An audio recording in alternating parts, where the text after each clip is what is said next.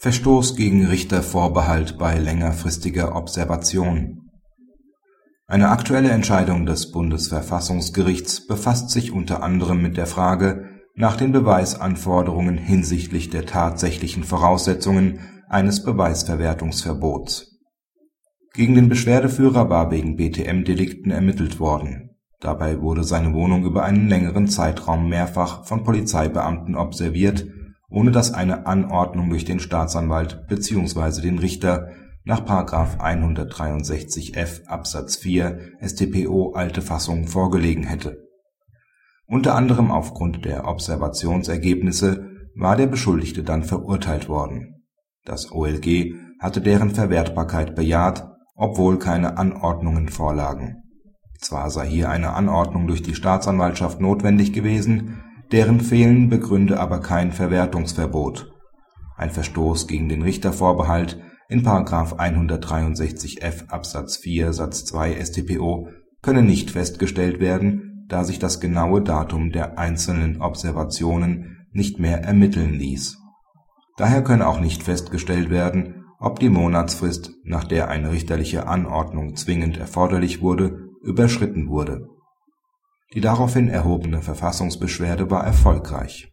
Die Argumentation des OLG, ein Verstoß gegen den Richtervorbehalt könne nicht festgestellt werden, wertete das Bundesverfassungsgericht als einen Verstoß gegen das aus Artikel 3 Grundgesetz folgende Willkürverbot.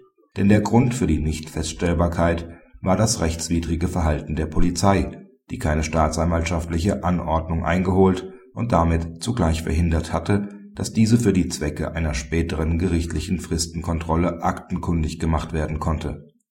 Die aus der Verfassung folgende Rechtsschutzgarantie gebietet es, dass Zweifel über die Beurteilung der Rechtmäßigkeit der Observation nicht zulasten des Beschuldigten gehen dürfen, wenn sie bei rechtmäßigem Ermittlungsverhalten nicht entstanden wären.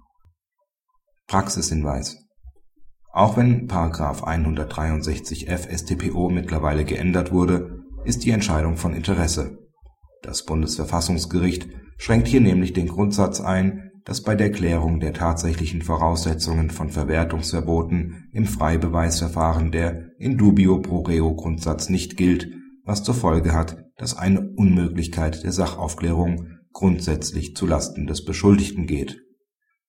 Laut Bundesverfassungsgericht kann dies aber dann nicht gelten, wenn der Sachverhalt nur deshalb nicht aufgeklärt werden kann weil die Maßnahme wegen Fehlern der Ermittler mangelhaft dokumentiert wurde.